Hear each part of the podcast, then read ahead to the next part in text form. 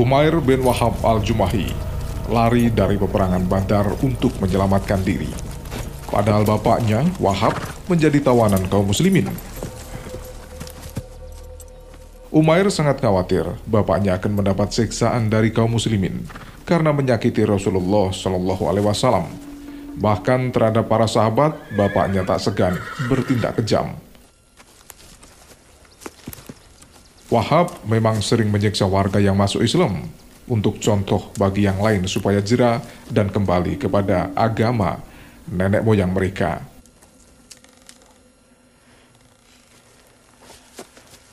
Pada suatu hari, Umair melakukan tawaf di Ka'bah dan memohon berkat kepada berhala-berhala pujaannya. Di sana dia bertemu dengan Safwan bin Umayyah, sedang duduk di pinggir Hijir Ismail.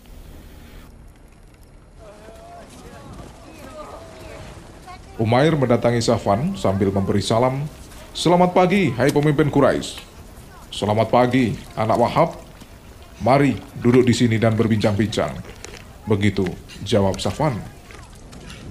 Umair lalu duduk dekat Safwan bin Umayyah. Keduanya segera terlibat dalam percakapan serius mengenai perang Badar, tentang kekalahan besar yang dialami dan jumlah orang Quraisy yang ditawan kaum muslimin. Mereka sakit hati karena beberapa pembesar Quraisy tewas. Safwan bin Umayyah menarik nafas panjang dan berkata, "Kita harus membalas." Umair lalu membenarkan ucapan Umayyah. Lalu Umair melanjutkan bicaranya. Seandainya saya tidak punya banyak hutang yang harus dilunasi, dan tidak banyak keluarga yang saya khawatirkan akan tersia-sia kalau aku meninggal, aku akan menemui Muhammad, lalu kubunuh dia. Kemudian kubasmi agamanya. Safwan yang berpikiran tajam dapat menangkap inti pembicaraan Umair bin Wahab. Untuk tidak melepaskan kesempatan baik itu, dia berpaling kepada Umair dan berkata, Hai Umair, biarlah hutangmu menjadi tanggunganku seluruhnya. Akan kulunasi bila engkau berhasil membunuh Muhammad. Keluargamu akan kugabung dengan keluargaku selama aku masih hidup. Hartaku masih cukup banyak untuk hidup senang bersama mereka. Semuanya. Sejenak kemudian, Umair meninggalkan masjid dengan senyum kepuasan dan membawa dendam ke Sumat terhadap Nabi Muhammad Shallallahu Alaihi Wasallam. Disiapkannya segala perlengkapan yang diperlukan untuk melaksanakan niat jahatnya terhadap Rasulullah. Kemudian Umair meminta kendaraan yang telah disediakan Safwan untuknya.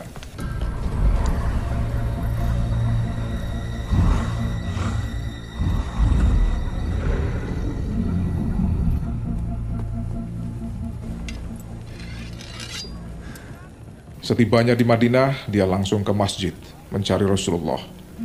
Untanya ditambatkan dekat pintu masjid, lalu ia turun. Ketika itu, Umar bin Khattab sedang duduk dengan beberapa sahabat Rasulullah dekat pintu masjid. Ketika Umar menoleh ke halaman, tiba-tiba dia melihat Umair bin Wahab al-Jumahi turun dari kendaraan dan menuju masjid dengan pedang terhunus.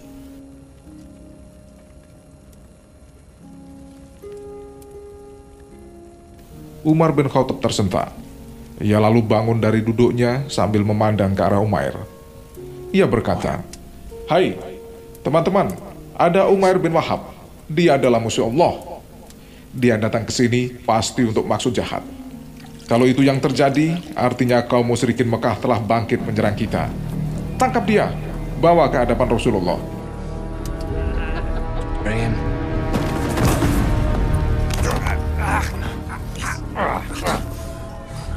Umar meminta kepada sahabat-sahabatnya menangkap Umair dan membawa ke hadapan Rasulullah. Setelah Rasulullah melihat Umair, beliau berkata, Lepaskan dia Umar dan mundurlah engkau. Biarkan Umair duduk di hadapanku. Umair lalu menghampiri Rasulullah dan mengucapkan salam. Selamat pagi. Mendengar ucapan itu, Rasulullah tersenyum dan berkata, kami telah dimuliakan Allah dengan cara penghormatan yang lebih baik daripada cara penghormatan engkau, Mair. Ucapkan Assalamualaikum. Begitulah cara penghormatan ahli-ahli surga. Umair berkata, Hei Muhammad, kami sudah lama berucap dengan cara penghormatan kami, sedangkan caramu itu datang belakangan. Apa maksudmu datang kemari ya Umair? Tanya Rasulullah Shallallahu Alaihi Wasallam. Saya datang untuk membebaskan tawanan yang engkau tawan. Karena itu engkau harus bersikap baik terhadapku Muhammad. Tapi mengapa engkau harus menghunus pedang? Ingatlah Umair, tidak baik membawa pedang. Apakah engkau dendam kepada kami karena kekalahanmu dalam perang Badar? Bicaralah yang jujur. Apa sebenarnya maksudmu datang kemari? Ketika Umair belum sempat menjawab, Rasulullah berkata kembali, Bukankah engkau pernah duduk berdua dengan Safwan bin Umayyah dekat Hijir? Membicarakan mayat-mayat orang Quraisy yang dilemparkan ke dalam sumur. Kemudian engkau berkata kepada Safwan, Seandainya aku tidak banyak hutang dan keluarga yang kutinggalkan, niscaya engkau akan pergi membunuh aku. Muhammad. Lalu Safwan bin Umayyah berjanji kepadamu akan melunasi semua hutang-hutangmu dan akan menjamin hidup keluargamu asal kamu bisa membunuhku. Bukankah begitu, Umayyah?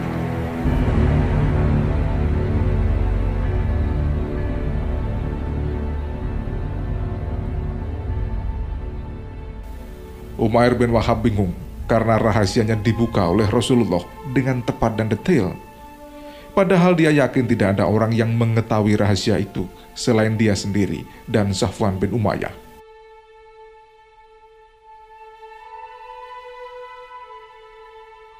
Lalu Umair berkata, Kami memang tidak mempercayai apa yang kau katakan berita dari langit dan yang kau katakan wahyu. Tapi pembicaraan dan perjanjianku dengan Safwan Aku yakin benar tidak ada yang mendengar dan mengetahui selain aku dan Safwan, karena memang saat itu tidak ada orang lain. Demi Allah, sekarang aku yakin benar rahasia itu telah disampaikan Allah kepada engkau. Segala puji bagi Allah yang telah memberi aku jalan, sehingga aku dapat hidayah untuk bertemu denganmu. Hai Muhammad, aku ingin masuk Islam. Kemudian Umair mengucapkan dua kalimat syahadat, dibimbing Rasulullah Shallallahu Alaihi Wasallam.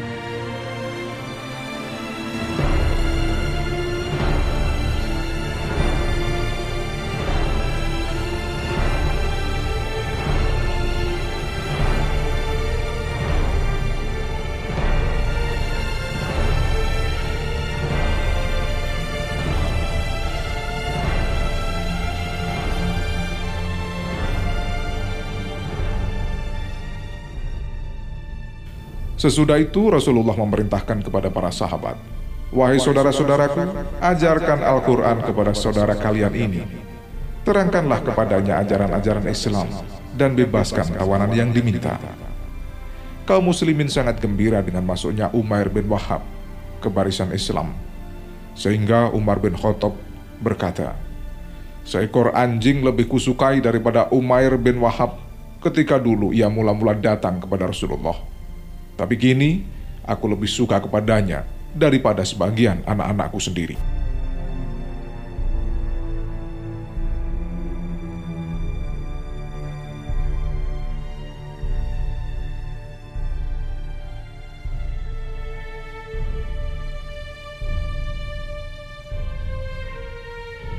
Umair membersihkan jiwanya dengan melaksanakan ajaran-ajaran Islam, memenuhi hati sanubarinya dengan cahaya Al-Quran,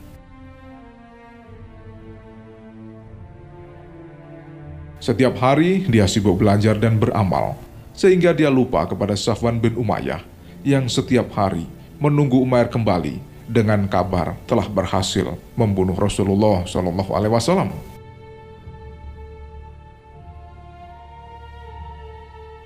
Safwan mulai gelisah. Dia pergi bolak-balik ke padang pasir setiap hari berkali-kali, mencari-cari berita dari setiap musafir yang datang dari Yastrib jika bertemu atau melihat Umair bin Abdul Wahab. Namun, sejauh itu tak satu pun berita yang memuaskannya.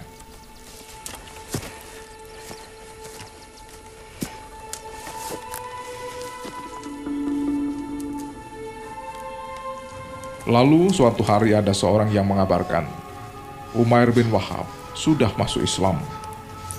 Bagikan petir di siang bolong, kabar itu menyambar telinga Safwan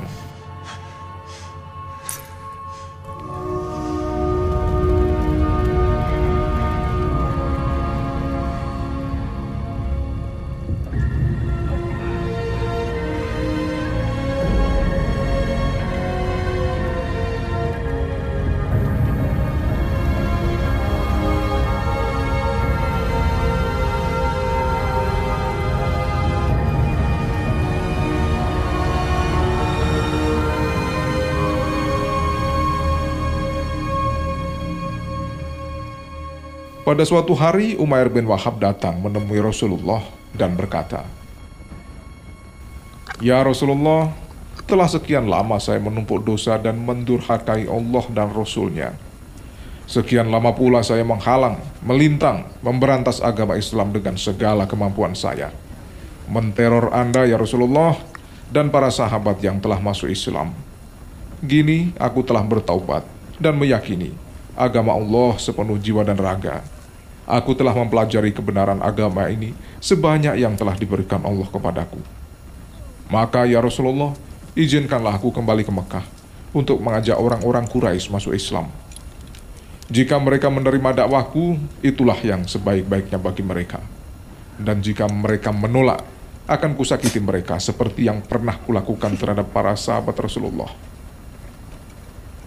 Lalu Rasulullah Shallallahu Alaihi Wasallam mengizinkan Umair bin Wahab pergi ke Mekah.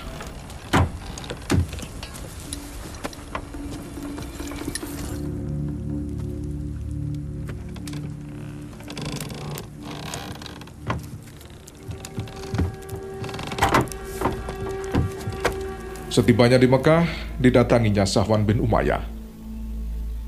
Kata Umair, "Eh Safwan, Anda seorang pemimpin yang cemerlang di antara para pemimpin Quraisy. Anda cerdik pandai bangsa Quraisy yang berutak cerdas dan gemilang.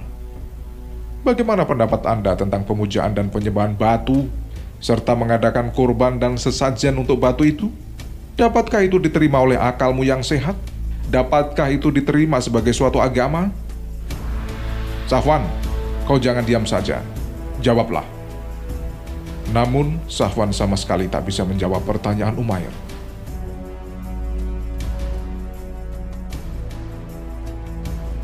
Safwan, saya telah masuk Islam dan mengakui kebenaran yang dibawanya. Saya mengakui Tuhan itu hanya satu, yaitu Allah Subhanahu wa Ta'ala.